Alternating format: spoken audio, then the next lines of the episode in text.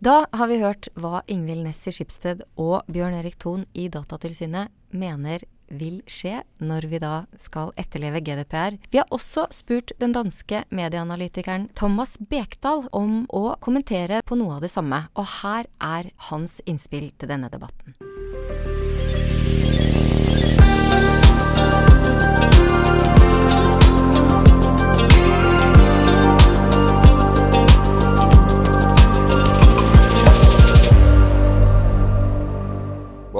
Get to it. The first question was How can media businesses embrace the privacy trend to build trust? Now, I just love this question. Privacy and trust goes hand in hand. So when we look at GDPR today, we don't really see it defined in terms of trust. Instead, publishers are going out and saying, we respect your privacy, so let's give your data to someone else. And that is not trust. That is the opposite of trust. The problem we've seen is that when it came to GDPR, most publishers looked at this in terms of regulations or in terms of how to do things technically. It goes even deeper than this. Today, there is a very strong requirement from the public to demand that companies have some kind of social responsibility. To give you one example, look at a fashion company. If you look at fashion over the past 10 years, we've seen a incredible growth in what we call sustainable fashion. We've seen campaigns around minimizing waste and having a deeper responsibility towards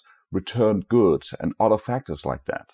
Another example of this is what we see, for instance, with food companies like grocery stores and supermarkets.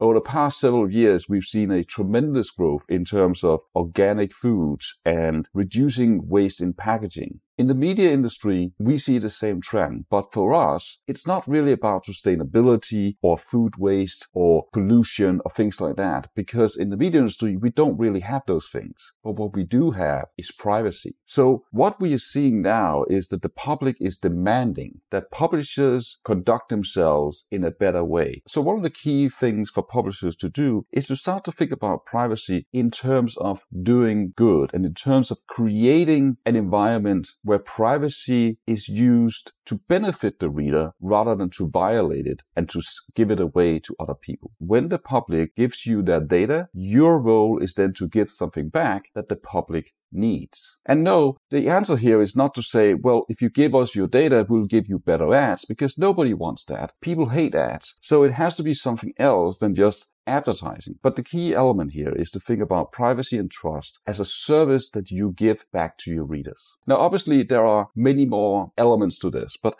that is the quick summary of how publishers could use this trend to build trust.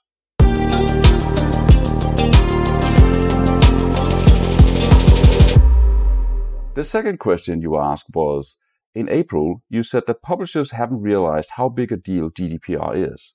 What do you think now? Well, fundamentally, I don't think anything has changed. People still have the same sense of lack of privacy that they've always had.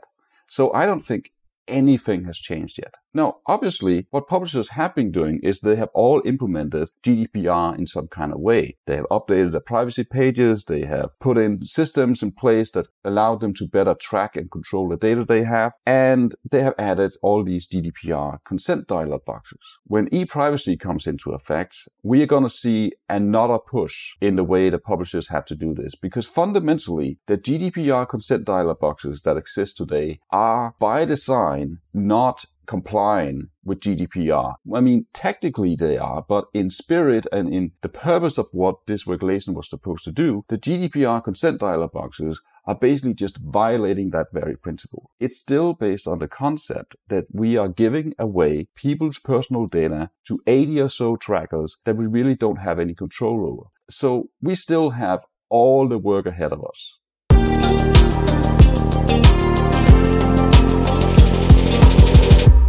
The third question you asked was California is developing a separate privacy regulation. Will we experience more unique regulations like this, or will EU be able to set a global standard?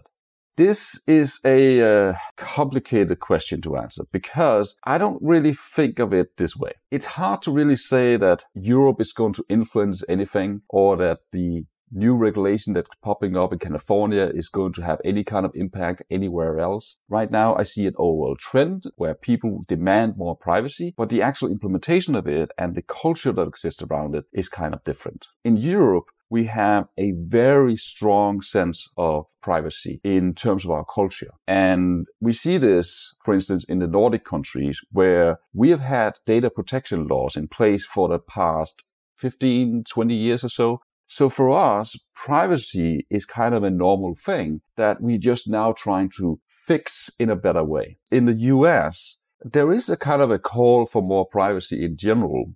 But in the US, there is also this very strong culture that privacy does not extend beyond your home. So even when you look at regulations like what we see in California, it's not the same type as what we see in Europe. There are a lot of similar elements to it, but we don't see the same mentality and we don't see the same culture. What I see instead is that we are seeing different bubbles of privacy culture emerging in different ways across the world. So I hope this answered your questions, and uh, I'm looking forward to listening to the podcast.